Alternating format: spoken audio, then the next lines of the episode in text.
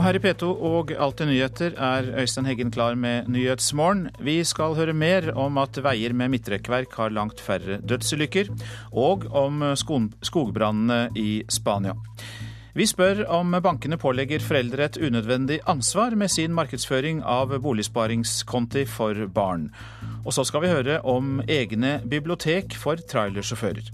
Det er et krav fra Transportarbeiderforbundet. Det er altså langt lavere dødstall på veier med midtdelere, men altfor få veier har slikt rekkverk, mener Personskadeforbundet, som eh, er den organisasjonen som tidligere het Landsforeningen for trafikkskadde. Det vil ta ti år å sikre 200 nye mil med vei, viser beregninger fra Statens vegvesen. På de tyngst trafikkerte veiene er det møteulykker som dreper og skader flest traileren prøvde å unngå å treffe minibussen, men det klarte den ikke. Frode Michaelsen forteller om minibussen som fikk sladd på vinterføre på E6 i Hedmark, og traileren i motsatt felt som ikke klarte å styre unna og mistet kontrollen. Han traff da den bilen foran oss. Det endte med en dødsulykke. Og så kjørte den rett i fronten på oss. Frodes 13 år gamle sønn Stian ble sittende fastklemt i vraket med store skader. Han fikk eh, massive indre skader i magen. Han brakk eh, håndleddet på tre steder. Han fikk brakk eh, lårbenet, leggen, og hovedpulsåra røk. Ett av tre lag, så det var ganske kritisk. Strekningen hvor ulykken skjedde, hadde ikke midtrekkverk. Slikt rekkverk reduserer antallet alvorlige ulykker betraktelig, forteller direktør for trafikksikkerhet, miljø og teknologi i Statens vegvesen, Marit Brandtzæg.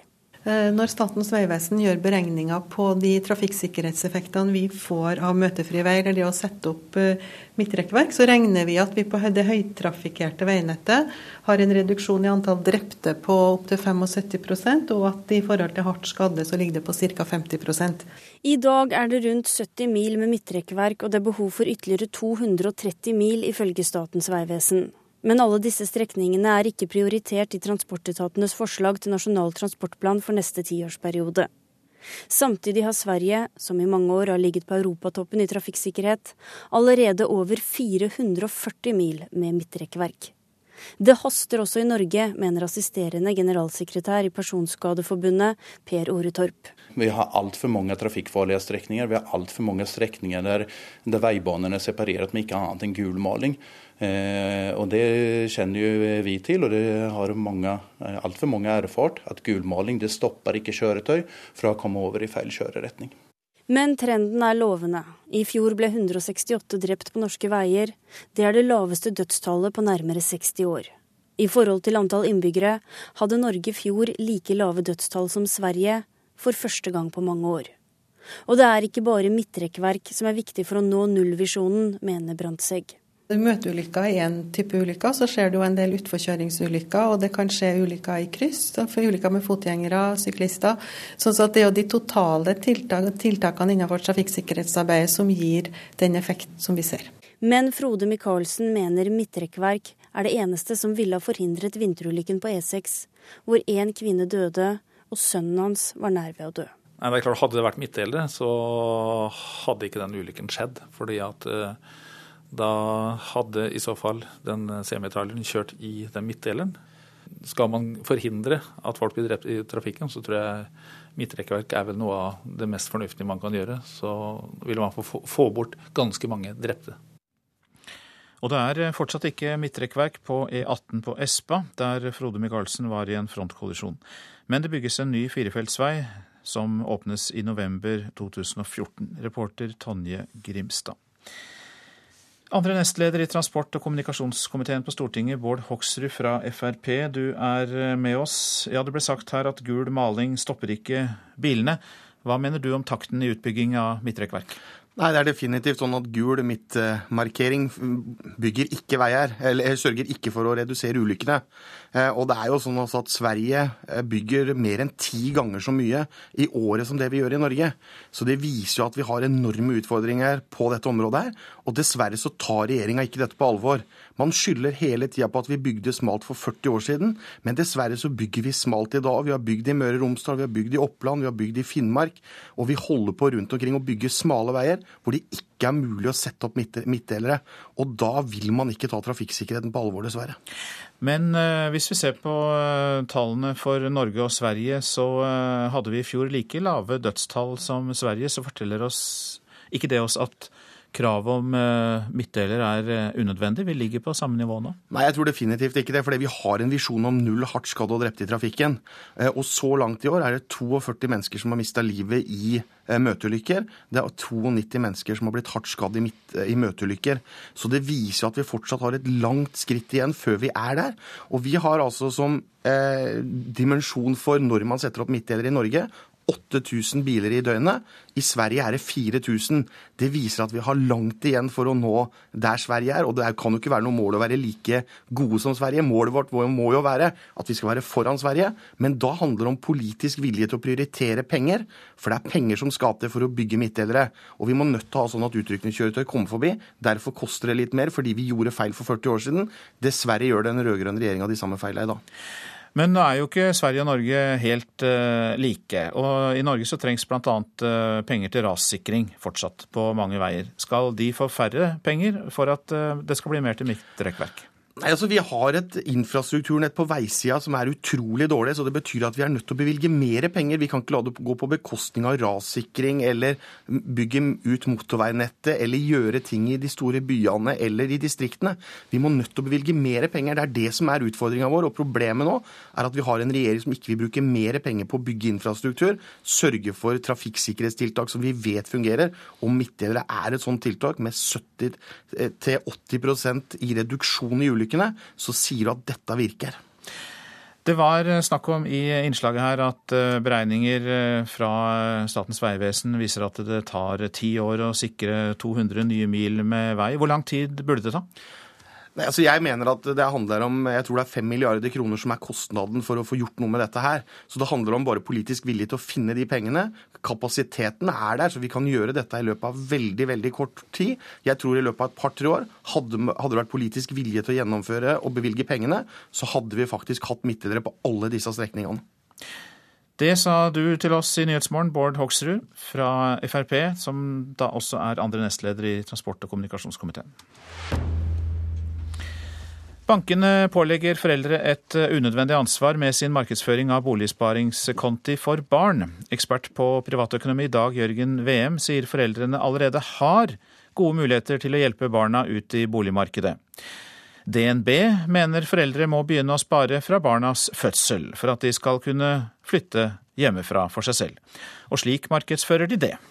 Om jeg hadde kunnet bestemt hva Jonas skulle bruke sparepengene sine til, så skulle jeg ønske han kunne kjøpt seg en leilighet. Men han har jo alltid vært så bestemt, den gutten, så Jonas vil heller bruke penger på en rakett til Mars enn bolig i DNBs reklame for barnas boligkonto. Flere banker oppfordrer foreldre til å spare fra barna er nyfødte for at de skal få seg et sted å bo, og ikke en rakett til Mars. Ekspert på privatøkonomi ved Handelshøyskolen BI, Dag Jørgen VM, mener foreldre bør tenke seg godt om før de låser pengene i en barnesparingskonto. Hvis det er noen som skulle finne ut at man eh, trenger pengene til andre formål, f.eks. For fordi boligformålet er dekket på annen måte, så eh, koster det mye å bryte denne kontrakten. Det er veldig mye fokus på at, eh, at foreldrene nå må ta ansvar for barns sparing. Og det er jo veldig viktig altså å nær sagt dele dette ansvaret, og ikke minst ta barna med på eh, den eh, forpliktelsen. VM mener det allerede finnes gode muligheter for å hjelpe barna inn på boligmarkedet, og påpeker bankenes behov for å få kundene til å binde seg til langsiktige sparingsavtaler. Det sikrer jo et langsiktig og stabilt innlån for bankene, fordi pengene i praksis er bundet fram til eh, de brukes til bolig. Vidar Korsberg Dalsbø i DNB sier at foreldre har godt av å låse boligsparingspengene på egen konto. Når det starter en eh, egen konto, så eh, vet man eh, det at dette går til barnet. Det er fort gjort når man har det på sine egne sparekontoer, så, så blir det fort gjort å, og rett og slett at det går til andre ting. Dalsbø sier at manglende sparing fra foreldrenes side kan føre til at barna ikke flytter ut. Det kan jo skje det som noen foreldre kanskje frykter, mens andre syns det høres helt topp ut, at poden aldri forlater hjemmet. Uh, det er et scenario som, uh, som ikke er utenkelig. Vidar Korsberg Dalsbø, kommunikasjonsrådgiver i DNB. Reporter Elida Høek. Spansk økonomi er så ille ute at en redningspakke kan være et faktum om bare noen dager. Det mener sjeføkonom i Terra-gruppen Jan Andreassen. Rentene på landets statsgjeld føyk i været da det kom flere dårlige nyheter fra Spania i går.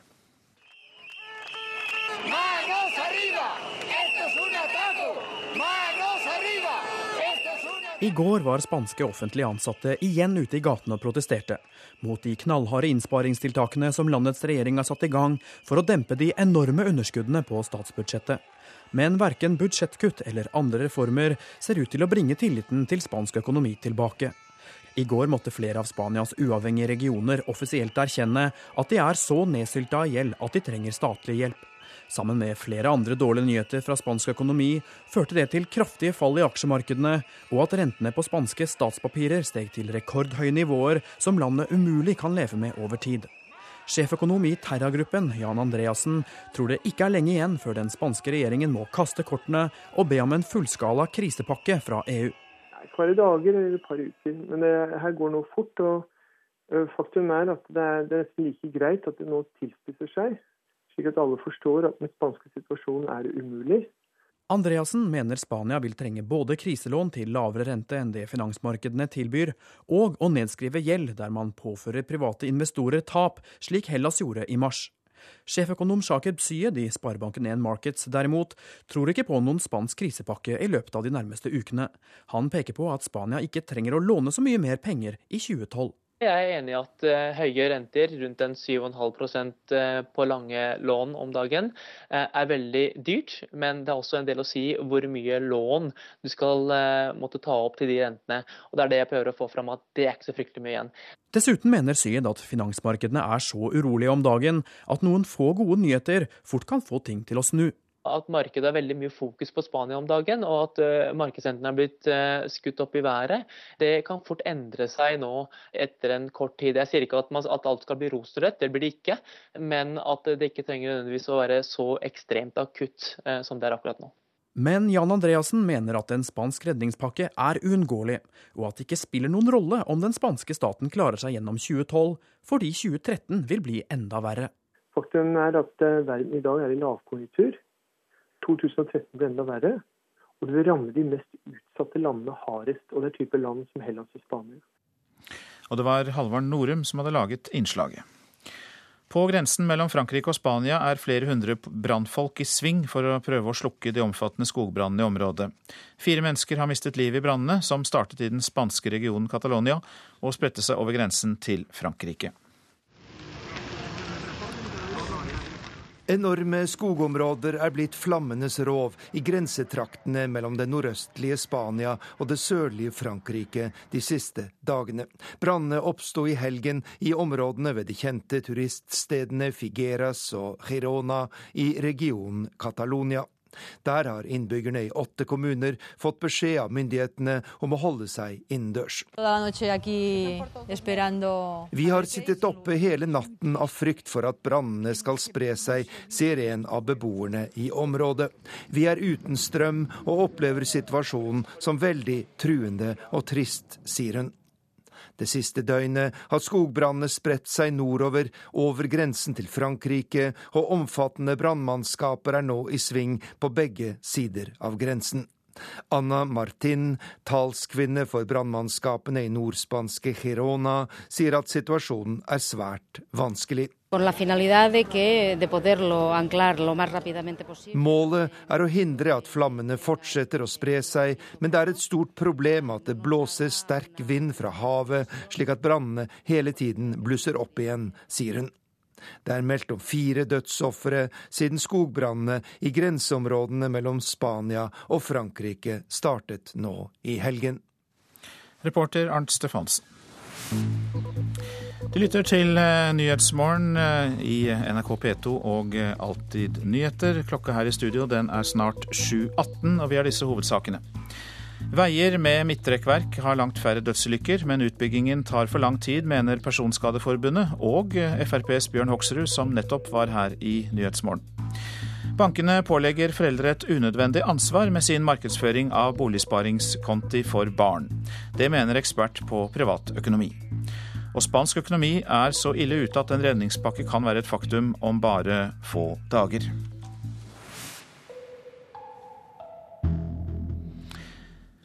Den britiske regjeringen vurderer å gi passkontrollører som streiker under OL sparken. Kultur- og idrettsministeren utelukker ikke kraftige tiltak mot den planlagte streiken torsdag, som er dagen før OL begynner, og tusener er ventet å ankomme London. Is this a time to be? Bør vi ikke heller trekke i samme retning, spør statsråd Jeremy Hunt, og viser til passkontrollørene som planlegger å streike dagen før OL, på den kanskje aller travleste ankomstdagen til den britiske hovedstaden. Da han nylig ble spurt om det var aktuelt å gi dem sparken hvis de gikk ut i streik, svarte han at slike tiltak har vært diskutert i regjeringen. Men han liker ikke at det er et tema i disse OL-tider. Den ett døgn lange streiken er en protest mot regjeringens planer om å kutte stillinger og en kamp for mer lønn. Sist passkontrollørene streiket, satte myndighetene inn andre ansatte til å gjøre oppgavene deres, noe som dempet effekten. Kultur- og idrettsminister Jeremy Hunt mener de er i sin fulle rett til å streike, men at de skyter seg selv i foten ved å legge streiken til dagen før OL begynner.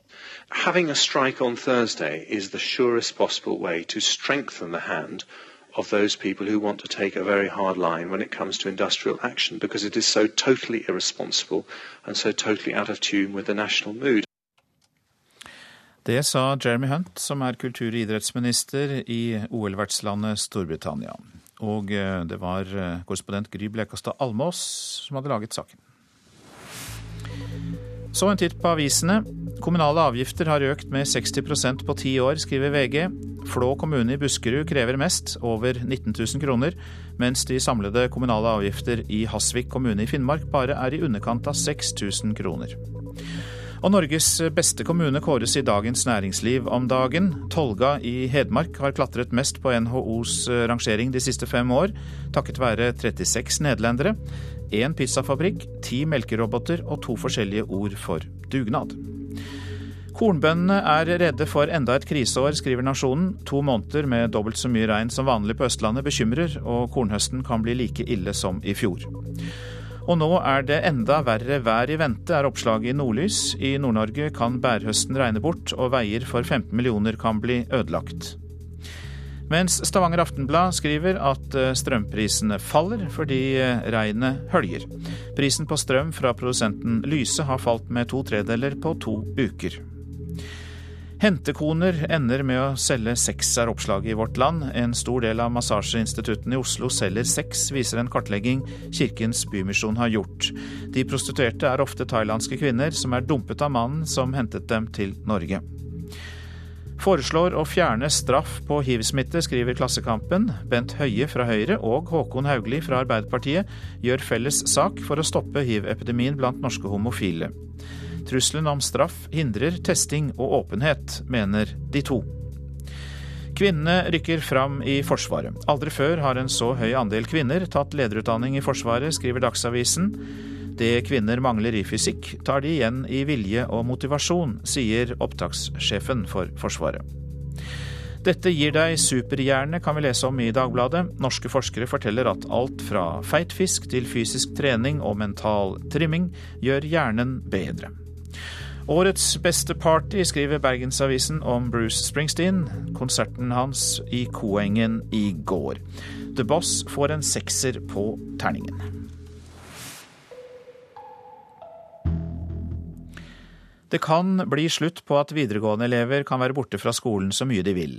Før 2009 kunne lærere stryke elever som hadde mer enn 20% fravær.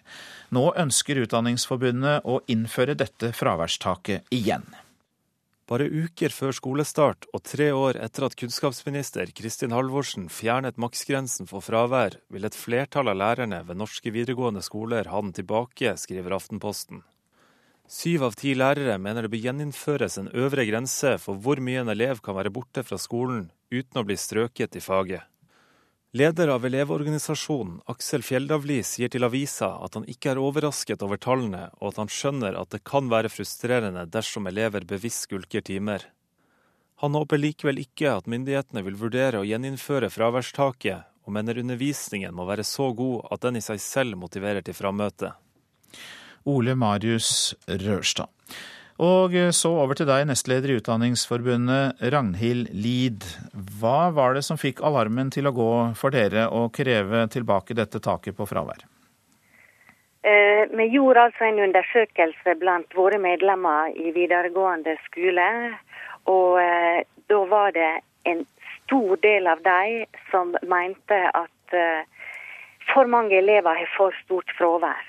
Eh, og dette går ut over eh, deres opplæring, og det går også ut over nei, lærerne sin mulighet til å vurdere elevene og gi dem en god vurdering. Men så hører vi at elevorganisasjonene er opptatt av at eh, god nok undervisning skal være det viktigste, og at man ikke skal fokusere så mye på dette med fraværet. Ja, selvsagt så skulle en ønske at alle elever ble motivert og var kjempeengasjert til å gå på skolen hver dag. Det er jo det som er målsettinga, men vi vet at slik er ikke hverdagen. Eh, det er jo også et tankekors da at eh, en i høyere utdanning, altså i universitets- og høgskolesektoren, i større grad nå de senere åra har innført sånne krav ved veldig mange studier. Så det viser at selv der eh, som studentene burde i alle fall være veldig motivert når de har begynt på det endelige studiet sitt, så er det altså nødvendig med tydeligere og mer forpliktende rammer rundt opplæringa. Tre år tilbake så kunne man stryke elever som hadde mer enn 20 eh, fravær. Er det løsningen? Ja, altså det, det, var jo et system som ikke var så um, firkanta som det kanskje kommer fram i Aftenposten. Og uh, en, en, jeg syns ikke at en skal ha eh, nødvendigvis en sånn 20 %-regel. Men en må se på et system som i større grad balanserer dette forholdet mellom elevene sine rett til en skoleplass og elevene sine plikter når de har tatt imot en skoleplass. Så en type øvre grense for, eh, for fravær, eh, det bør en ha. Eh, men selvsagt så må dette her være noe som kan håndteres med fornuft. For det er jo eh, elever som har gode grunner til å være borte fra skolen, eh, og som har andre engasjement som også er viktige. Men det vi må få bukt med, det er det unødige fraværet som altfor mange elever har. Kristin Halvorsen fjernet jo denne maksgrensen. Hun er fortsatt kunnskapsminister. Har du noe håp om gjennomslag? Eh, ja, Det er jo viktig for oss å få til en god dialog nå med styresmaktene. Uh, og dette her henger jo også sammen med å få bukt med det store frafallet i videregående. Det er en viktig målsetting for kunnskapsministeren også. Og nå ser vi en klar sammenheng mellom stort fravær fra skolen og at det da er mye større sjanse for at elevene faller fra videregående opplæring. Takk skal du ha, nestleder i Utdanningsforbundet Ragnhild Lid. Du og forbundet vil altså ha tilbake denne fraværsregelen som gjaldt fram til 2009, eh, eller i hvert fall en justert ordning. Takk skal du ha. Bibliotek og tungtransport passer ikke så godt sammen. Det sørger sjåførenes arbeidstid og ikke minst arbeidsplassen deres for. I 2007 ga regjeringen riktignok penger til å åpne biblioteker på veikrone, men de ga ingen penger til videre drift. Og da betyr det at det bare er ett bibliotek igjen. Regjeringen må ta ansvar, mener Transportarbeiderforbundet og Bibliotekforeningen. Skal vi se, det er eh, to reoler med diverse da, lydbøker i. Jeg vet ikke hvor mange hundre det er, der, men det er noen hundre der i hvert fall. Og så er det Det er på Gentleman Agreement. Helge Gjørvund driver Furulund kro utenfor Tønsberg. Han låner ut en krok av kroa til det eneste transportarbeiderbiblioteket i Norge. Her kan de som er på langtur få seg ei god bok til ferda videre. Disse radiokanalene har jo tendens til å gjenta seg sjøl, så de blir jo ganske lei det. Så derfor er det veldig godt med avbrekk, og pluss at man får en eh, grei input. I 2007 satte Transportarbeiderforbundet, Kulturdepartementet og Kulturrådet i gang et prosjekt for å starte transportarbeiderbibliotek over hele landet.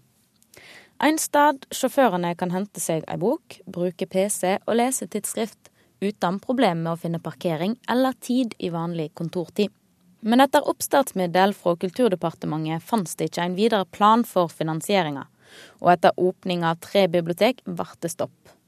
I dag er bare Furulund att, men leder i Transportarbeiderforbundet, Geir Kvam, vil ha prosjektet på hjul igjen. Hvis vi da hadde fått det som vi tenkte, så vil vi ha en åtte-ti ja, bibliotek langs stamveinettet. Eh, da vil det være landsdekkende. Det må være målsettinga. Det er et veldig godt tiltak. Det er et ganske billig tiltak, rett og slett. Det koster ikke så mye, og det når veldig mange. Leder i Bibliotekforeningen, Ingeborg Rygg Hjorten. Og det er egentlig et eksempel på et problem som vi har i biblioteksektoren her i Norge. Eh, vi har mange gode prosjekter, det prøves ut mange gode modeller. Men så har vi ingen statlige midler til eh, videreføring av drift Altså Hvis du skal få en varig driftsstøtte til transportarbeiderbibliotek, så er vårt utgangspunkt at da må eh, kommunene og regionene må bidra til å finansiere det. Det sa statssekretær Kjersti Stenseng i Kulturdepartementet, og reporter det var eh, Maria Pile Svåsand. Prosent for eh, Nyhetsmorgen er Jean-Erik Bjørnskaug, her i studio Øystein Heggen. Etter Dagsnytt skal vi høre mer om skandalen som har rammet Vatikanet etter at pavens tidligere kammertjener ble arrestert. Og NHO-sjef John G. Bernander kommer i studio for å snakke om hvilke fordeler utenlandsstudier kan gi den videre karrieren.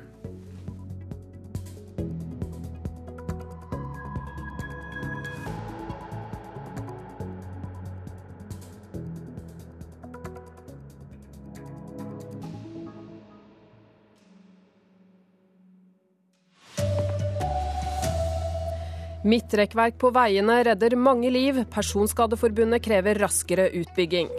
Lærere vil ha tilbake fraværsgrense i videregående, mener elevene ikke tar ansvar. Og flere skogbranner herjer i Europa. Her er NRK Dagsnytt klokka 7.30. Færre mennesker dør i trafikken på veier med midtrekkverk. Dødstallene faller med 75% der det er slike rekkverk. Og nå må flere veier få midtrekkverk, krever Personskadeforbundet. Statens vegvesen mener det er behov for å sikre over 200 nye mil, men det vil ta mer enn ti år.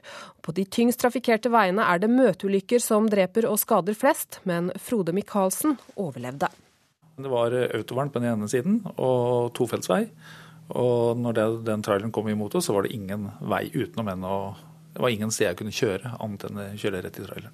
Frontulykken på E6 i Hedmark kostet kvinnen i bilen foran livet, og holdt også på å drepe Frode Michaelsens 13 år gamle sønn Stian. Han fikk eh, massive indre skader i magen.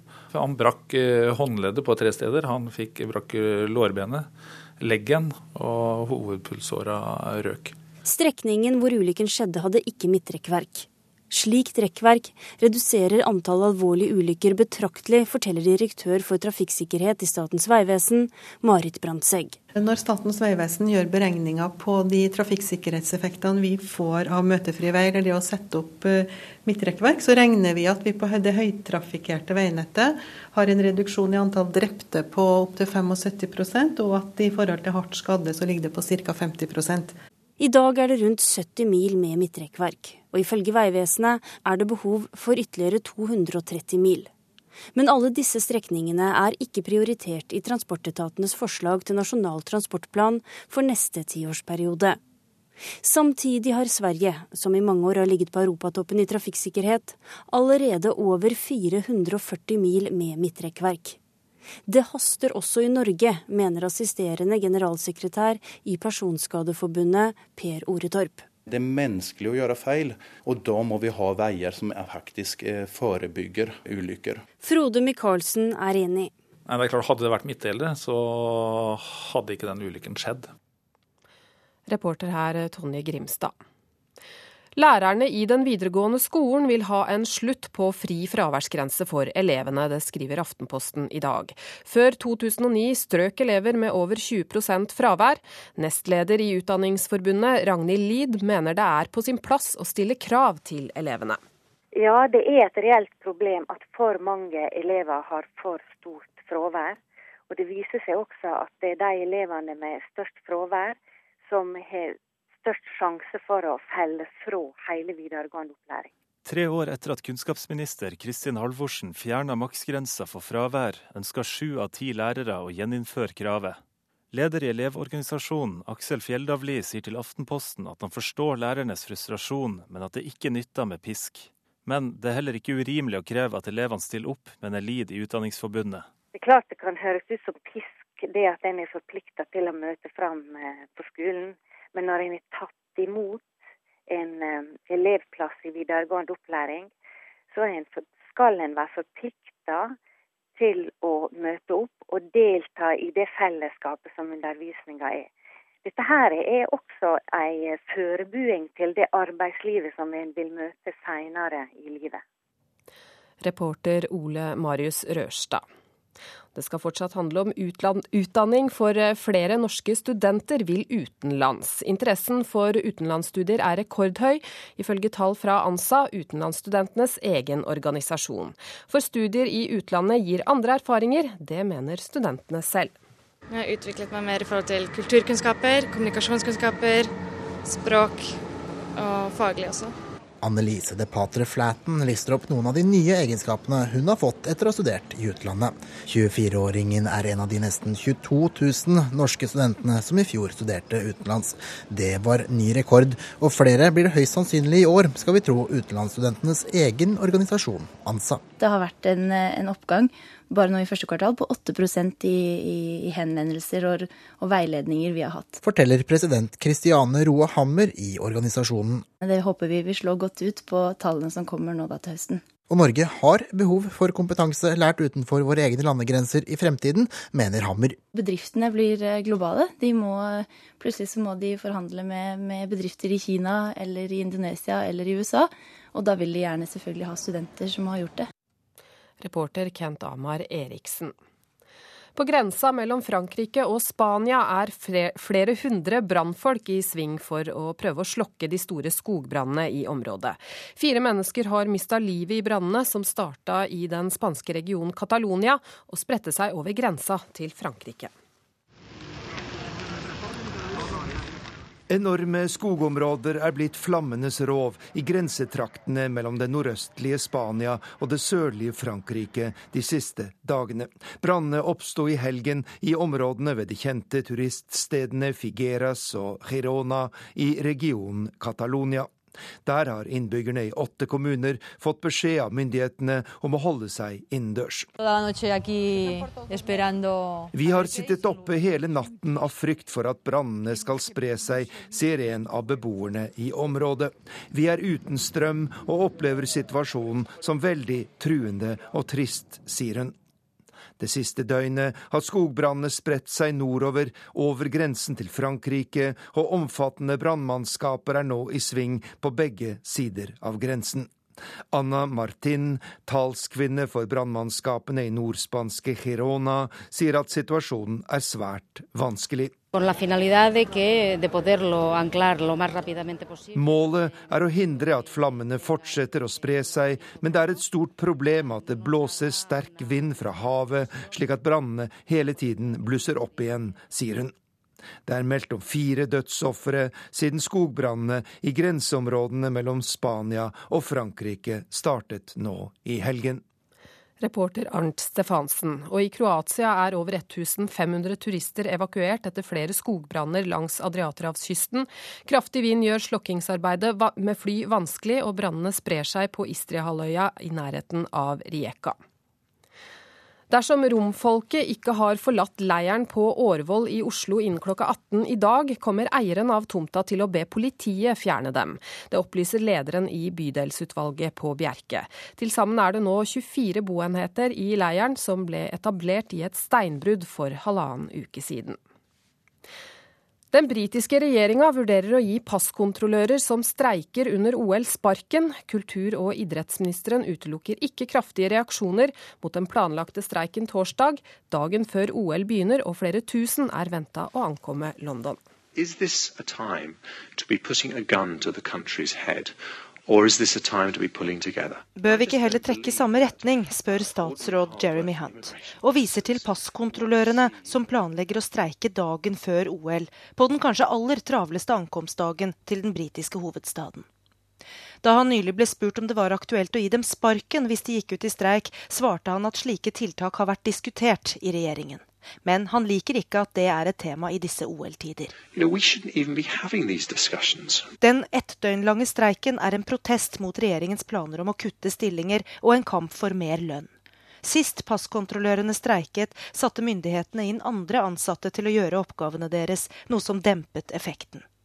Kultur- og idrettsminister Jeremy Hunt mener de er i sin fulle rett til å streike, men at de skyter seg selv i foten ved å legge streiken til dagen før OL begynner. Having a strike on Thursday is the surest possible way to strengthen the hand of those people who want to take a very hard line when it comes to industrial action because it is so totally irresponsible and so totally out of tune with the national mood sa kultur- og idrettsminister Jeremy Hunt i Storbritannia, og reporter her var korrespondent Gry Blekastad Almås. Rosenborg har på ingen måte gitt opp kampen om seriegullet i fotball, selv om det bare ble 1-1 hjemme mot Lillestrøm i går. Etter en svak førsteomgang mot Lillestrøm i går, måtte Rosenborg-trener Jan Jønsson innse at de kun tok innpå ett poeng på gullrivalene Molde og Strømsgodset, som begge tapte i helga. Ergerlig, mente Rosenborgs Jonas Svensson. Ja, det er jo klart det. Eh, men eh, samtidig så er det ikke over ennå. vi er nå i nærheten, og det er fortsatt mange poeng som spille. spilles. Heller ikke Jan Jønsson har gitt opp gullet, selv om Strømsgodset er seks poeng foran på tabellen. RBK-treneren mener de fortsatt har heng på førsteplassen. Ja, men det, det eh, har vi jo. Reporter her Simen Sveen.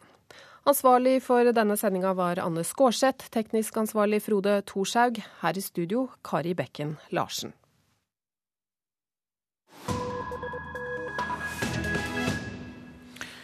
Ja, du lytter til eh, Nyhetsmorgen. Nå om pavens tidligere kammertjener som i helgen ble overført fra fengsel til husarrest. Han er siktet for å ha stjålet private dokumenter fra paven og gitt dem videre til italiensk presse. Den såkalte Vatileaks-saken har rystet Vatikanet, og fortsatt er det uvisst om kammertjeneren hadde medhjelpere. Arnt Stefansen har laget denne reportasjen fra Roma.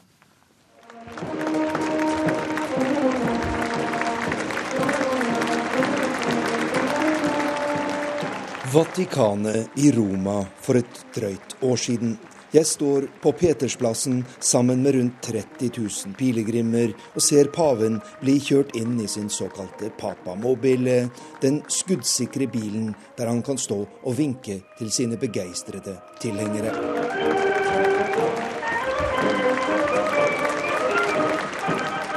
En av dem som står ved hans side og varter ham opp under audiensen, er Paolo Gabriele, pavens kammertjener siden 2006.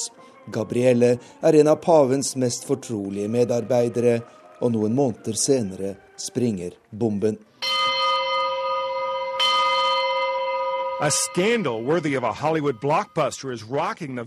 Medier verden over rapporterer om skandalen i Vatikanet. Kammertjener Paolo Gabriele er arrestert og sitter i varetekt. Han skal ha kopiert hundrevis av strengt fortrolige dokumenter og gitt dem til italiensk presse. Avisen La Repubblica har i månedsvis brakt detaljerte rapporter om maktkamp, intriger og korrupsjon i Vatikanet. Nå vet man hvor opplysningene kommer fra. Paven er rystet og dypt skuffet.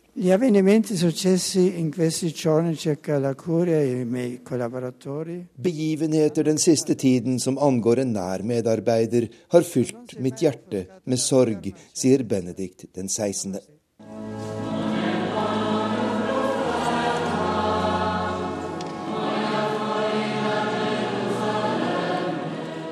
Katolske menigheter over hele verden ber for paven. Men italienere flest ser avslappet på det hele, og ifølge meningsmålingene er det et mindretall som ser den såkalte Vatilix-affæren som ødeleggende for kirken og Vatikanet. Den tyske Vatikaneksperten professor Rainer Kampling sier det er vanskelig å forstå hvorfor en betrodd medarbeider har gjort dette.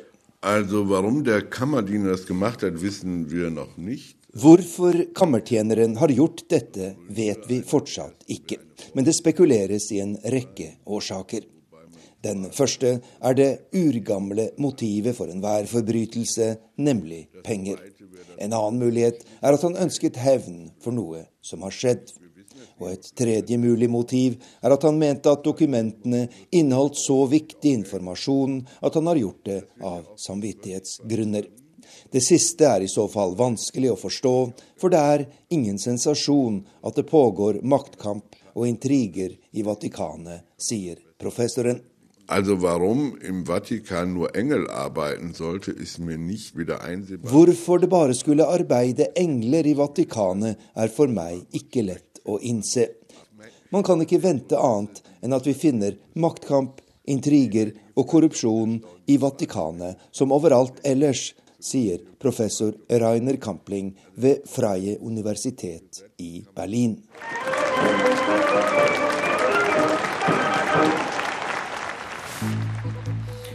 Ja, Du lytter til Nyhetsmorgen. Klokka den har nettopp passert 7.44, og vi har disse hovedsakene. Midtrekkverk på veiene redder mange liv. Personskadeforbundet krever raskere utbygging. Lærere vil ha tilbake fraværsgrensen i videregående skole, mener elevene ikke tar nok ansvar for egen utdanning. Flere skogbranner herjer i Europa. Og vi skal høre at økt alkoholforbruk i sommerferien kan gi bakrus på høsten. Men først om at flere norske studenter ønsker å studere utenlands. Det viser tall fra ANSA, som er utenlandsstudentenes egen organisasjon. Studier i utlandet gjør deg mer attraktiv for norske bedrifter, mener studentene selv. Jeg har utviklet meg mer i forhold til kulturkunnskaper, kommunikasjonskunnskaper, språk og faglig også. Annelise de Patre Flaten lister opp noen av de nye egenskapene hun har fått etter å ha studert i utlandet. 24-åringen er en av de nesten 22 000 norske studentene som i fjor studerte utenlands. Det var ny rekord, og flere blir det høyst sannsynlig i år, skal vi tro utenlandsstudentenes egen organisasjon, ANSA. Det har vært en, en oppgang bare nå i første kvartal på 8 i, i, i henvendelser og, og, veiledninger vi har hatt. Forteller president Christiane Roe Hammer i organisasjonen. Norske studenter har fått opp øynene for, for resten av verden. At det er flere som, som ønsker seg til utlandet og, og, ser mulighetene. Og det er jo veldig flott. Hvorfor skal vi studere i utlandet egentlig? Det er, det er så utrolig mye muligheter man har i utlandet. Det er masse flotte, gode universiteter. Og i tillegg så er det den kompetansen disse studentene vil da ta med seg tilbake. Det er internasjonal erfaring, det er kultur- og språkkunnskaper, eh, og også selvfølgelig mye andre fag enn det vi har eh, å tilby her hjemme. Og Norge har behov for kompetanse lært utenfor våre egne landegrenser i fremtiden, mener Hammer. Bedriftene blir eh, globale. De må, plutselig så må de forhandle med, med bedrifter i Kina eller i Indonesia eller i USA. Og da vil de gjerne selvfølgelig ha studenter som har gjort det. Og det er student Flatten helt enig i. Bare etter bacheloren så har jeg fått to jobber pga bare det at jeg har studert i utlandet, ikke nødvendigvis det jeg har studert en gang, men pga. engelskkunnskapene fra bachelorgrad i Storbritannia. Til høsten starter 24-åringen sin master i internasjonal sikkerhet på det prestisjetunge universitetet Sciences Po i Paris. Og hun har ingen problemer med å anbefale flere norske studenter til å ta turen ut i verden. Du får så mye igjen for det. Eh, det med å oppleve noe som er annerledes enn det du har opplevd frem til studiealder i Norge, setter eh, ting i perspektiv, og du får kanskje litt flere impulser enn det nødvendigvis gjør i Norge. Var Norge for lite for deg? Kanskje det er for lite i det at jeg har lyst på litt større perspektiv og litt mer input. Sånn sett er det for lite, men jeg har lyst til å komme tilbake til Norge. Norge litt lite for noen. Det rapporterte Kent Amar Eriksen for oss her i Nyhetsmorgen. Velkommen til deg, John G. Bernander, du er direktør i NHO. Ja. Flere norske studenter vil altså ut. De peker på kultur, språk, eh, faglig utbytte. Men får de noen fordel når de kommer hjem? Ja, Da var det gledelig å høre studenten som registrerte at hun hadde fått to jobbtilbud fordi at hun hadde en språkforståelse og en kulturkunnskap med seg fra studiene ute. Nå la jeg merke til at hun sa at eh, hun hadde utvikla seg både på kultur, kommunikasjon og språk, og så, og så la hun til og litt faglig også. Eh, faget bør nok kanskje alltid være først eh, for oss alle sammen. Men det at vi har flere som velger å ta studier ute, det styrker bedriftslivet hjemme. Og jeg er glad når jeg hører at våre bedrifter tar vare på det. Vi, vi jobber mye med det og vise de muligheter som utenlandsstudentene representerer for bedriftene våre. Men man har jo også hørt at studenter kan ha hatt problemer med at de kommer fra en ukjent utdanning i utlandet som ikke norsk næringsliv nødvendigvis eh, vet så mye om. Jobber dere med å bli kjent med hva de kan tilby, de som studerer i utlandet? Ja, nå gjør vi nok det også, men det kan jo hende at du velger veldig eksotisk. Eh, både land i forhold til markeder som norske bedrifter er i, fag i forhold til hva norske bedrifter har behov for, så vil du ha problemer med å få jobb. Det vil du også hvis du velger de mest uh, vanskelig tilgjengelige fag hjemme. Hva er så, gode land, Bernard? Ja, Vi er faktisk opptatt av det. Vi holdt nettopp en stor konferanse sammen med Universitetet i Oslo for å styrke ønsket om å ta utdannelse i tyskspråklige land. Tyskland var en gang den største studentfabrikken for Norge og det er vårt absolutt største marked utenom Sverige. Der er det altså nesten ikke norske studenter. Så der er det faktisk en aldri så liten gulrot mange ikke helt vet om, kanskje? Absolutt. Og det vi forsøker sammen med universitetene og høyskolene i Norge, det er å si at kanskje skulle vi i større grad gi pengene som går til studentene via de norske utdanningsinstitusjoner. For da kunne de lage fellesgrader. Og da ville vi altså få et sterkere akademisk samarbeid mellom våre utdanningsinstitusjoner og de gode utdanningsinstitusjonene ute. Og i tillegg så kunne vi tørre det som norske politikere i liten grad har gjort før.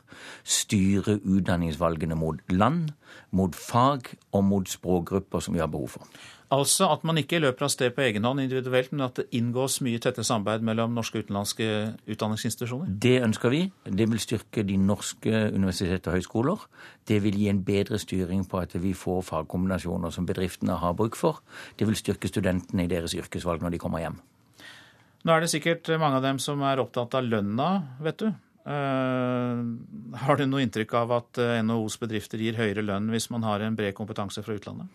Det har vi ingen spesiell statistikk på. Vi har uh, landets beste lønnsstatistikker, og de viser at det står ganske bra til med lønnsnivået i Norge i forhold til de fleste land vi konkurrerer med. Kanskje så bra at mange av våre eksportbedrifter også bukker under. Når det gjelder eh, mulighetene for å gå andre veien, altså at eh, dere rekrutterer eh, kanskje utenlandske studenter som studerer i Norge, hvordan, hvordan, ser du på den muligheten? Det ser vi nå mye av. Hvis du ser på statistikken og har ikke tall i hodet, så har det vært en eksplosjon i utenlandske studenter som tar f.eks. doktorgradsstudier i Norge. Og det er fordi at vi har hatt fritt utdanningsvalg og ganske gunstige økonomiske betingelser. Svært mange av våre bedrifter, spesielt innenfor ingeniørtunge fag, innenfor innenfor realfag og fysikk har benytta seg av den muligheten og sørge for å gripe fatt i de før de reiser hjem igjen. Jeg syns jeg hørte ordet globalisering i bakgrunnen der. Vi lever altså i absolutt en eh, landsby i en global verden. Og det er viktig at eh, stammefolket i landsbyen også snakker alle landsspråk. NHO-direktør Jan G. Bernander, takk for at du kom til Nyhetsmorgen.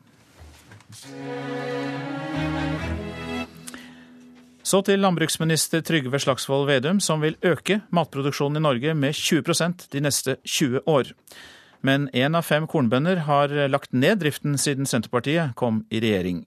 Bondelaget i Buskerud tror enda flere kommer til å gi opp om ikke avlingen slår til i høst.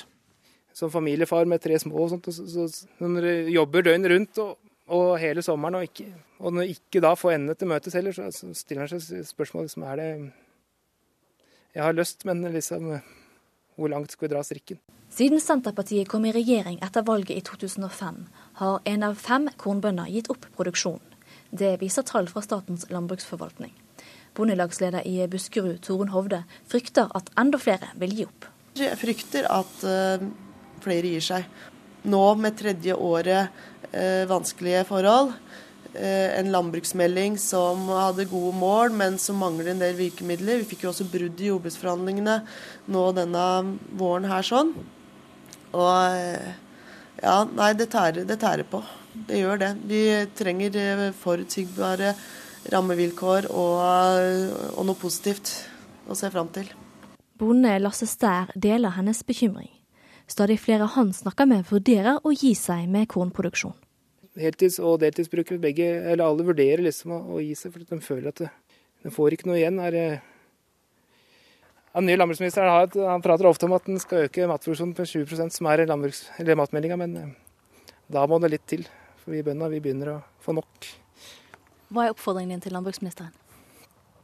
Legg til rette for oss som vil drive. Det er eh, Øk inntektene våre på en eller annen måte. Statssekretær i Landbruksdepartementet Harald Oskar Bøttedal liker dårlig at så mange kornbønder legger ned produksjonen. Det er nok ikke helt unaturlig at det blir eh, færre, færre produsenter i en eh, produksjon som, eh, som, utvikler seg teknologisk og effektivitetsmessig. Så det, det er nok en utvikling som, som, vil fortsette. Men det er ingen grunn til at den skal, skal rase videre på den måten som den, som den har, har, gjort. Og det, det jobber, vi, jobber vi med. Og til slutt er det opp til den enkelte bonde å lykkes, sier Buttedal. Det er ikke sånn at en statssekretær i Landbruksdepartementet kan, eh, kan, øke kornproduksjonen alene. Dette her er i stor grad opp til produsentene sjøl. Man må ha litt offensivt eh, tankesett og være villig til å, å, å, bidra i et aktivt eh, fagmiljø og skaffe seg den kunnskapen som trengs og være litt på hugget hvis man skal greie å nå den målsettinga om å øke produksjonen med 20% Og Det er det altså fastsatt et mål om, og det vil jo da bidra til bedre økonomi også, når man greier å produsere mer på det arealet man har. Men uh, ser klimatisk nå, så i år kan du ha gjort alt riktig. Du kan agronomisk, både med, med såtidspunkter og alt. Men, men når værgudene leker med deg, så, så er det i grunnen uh, samme søren. Ja, det sa til slutt bonde Lasse Stær til eh, reporter Siv Slevigen. Noen glass ekstra vin eller øl kan det jo bli på noen hver i løpet av sommeren, men så skal bremsene på når ferien er over, og det kan bli vanskelig. Vi er på jakt etter en god rødvin. Mm. Går det mye rødvin nå på sommeren? Ja, det gjør det. det gjør det. Det går litt rødvin på kveldene. Janet Vindenes er på Vinmonopolet i Bodø for å finne noe godt å nyte i glasset på sommerkvelden. Det er hun ikke alene om. Nei, det blir jo litt ekstra i ferietider, selvfølgelig. Det, det gjør det jo. Det må man jo innrømme. Absolutt. Man drikker kanskje mer vin enn man gjorde før, men uh, ungene er voksne og har flytta ut, så. Mm. så. Det er godt å nyte seg et glass rødvin eller noe annet på verandaen. Ja, det er godt, syns jeg. Det kan vi unne oss. Sommermånedene er sammen med jula og påska den tida Vinmonopolet selger klart mest alkohol. Men nå advares det mot bakrusen mange av oss kan oppleve etter hyggen på sjøen eller på hytta er over. Kari Randen er daglig leder i Av og til, som en kampanjeorganisasjon som arbeider for alkoholfrie soner. Hun tror mange vil få problemer med å kutte ned på alkoholforbruket når hverdagen starter. Hvis du drikker hver eneste dag en hel sommerferie, så opplever nok mange at det kan være vanskelig når eh hverdagen kommer og høsten kommer, og at eh, det kan være vanskelig å slutte. Eh, det kan være vanskelig å få alkoholkonsumet ned på et mer sånn vanlig nivå igjen. Ved rustelefon hvor folk anonymt kan ta kontakt om russpørsmål, er det stille nå i sommermånedene. Men når ferien er over, forbereder fagkonsulent Preben Solvang seg på at mange pårørende tar kontakt fordi de er bekymra fordi en i familien har høyt alkoholforbruk. Og sånn i ettertid så er man bekymra for eh, at eh, at vedkommende ikke skal klare å stanse det forbruket som har vært på sommeren. At det skal på en måte fortsette å eskalere. Det er nok det vi ser en del. At når hverdagen kommer tilbake, så blir problemene også veldig mye tydeligere. Men Janet Vindenes tror ikke hun vil få problemer med å trappe ned kosen etter sommerferien. Det justerer seg selv. Vi har jo barn som skal kjøres og hentes, og en må være kjørbar og passe litt på. Så det at eh, hverdagen er annerledes. Det er den absolutt. Mm. Men det er ikke noe fare for at hverdagen å utvikle seg til en fest? Mm, for noen er det helt sikkert det. Det er klart En må jo ha begrensninger når det gjelder både hva en spiser og drikker. Det er jo ikke bare vin som er farlig. Så Det, at det, det blir jo litt ekstra sjokolade og litt ekstra chips også. En må jo kutte det òg. Og det var eh, Øystein Nygaard som eh, møtte kunder på Vinmonopolet i Bodø. Nå skal vi si litt om været i dag. Fjellet i Sør-Norge. Perioder med lave tåkeskyer og litt regn sør for Haukeli. Ellers blir det opphold og mye sol i fjellet. Østlandet perioder med regn. Nord for Gardermoen stort sett opphold og noe sol. Telemark perioder med regn. Agder lave tåkeskyer, regn utover dagen, mindre nedbør. Rogaland perioder med regn, vesentlig i sør og lokal tåke. Hordaland stort sett opphold og noe sol i ettermiddag, ellers skyet og litt regn. Sogn og Fjordane ved Stad sørvest stiv kuling, skyet stort sett opphold. Etter hvert blir det noe sol i Sogn og Fjordane. Møre og Romsdal og Trøndelag sørvest stiv kuling på kysten, skiftende skydekke, enkelte regnbyger, fra utpå formiddagen opphold og noe sol. Helgeland, Saltfjellet, Salten, Ofoten og Lofoten får sørvest liten kuling utsatte steder. Kan hende blir det sterk kuling på kysten, og det blir regnbyger i dette området. Vesterålen og Troms får sørvest liten kuling, stiv kuling på kysten og regnbyger. Kyst- og fjordstrøkene i Vest-Finnmark regnbyger. Øst-Finnmark og Finnmarksvidda. Der melder meteorologene om litt regn, og det samme på Nordensjøland, på Spitsbergen. Litt regn også der. Temperaturer som ble målt klokka, klokka fem, er de vi har nå.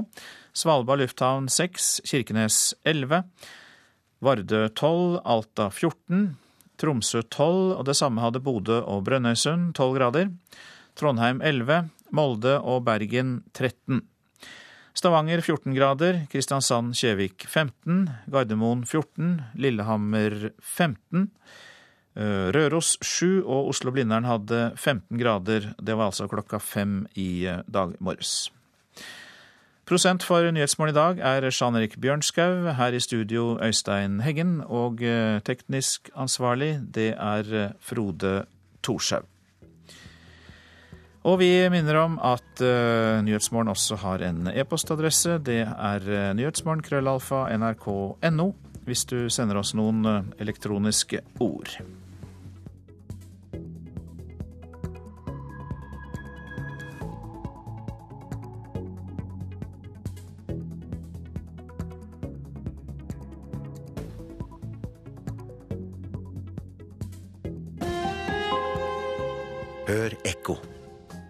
Redd for kvinnesynet i islam, mens norske muslimer er redd for at barna deres skal ta etter norske drikkevaner og seksualmoral.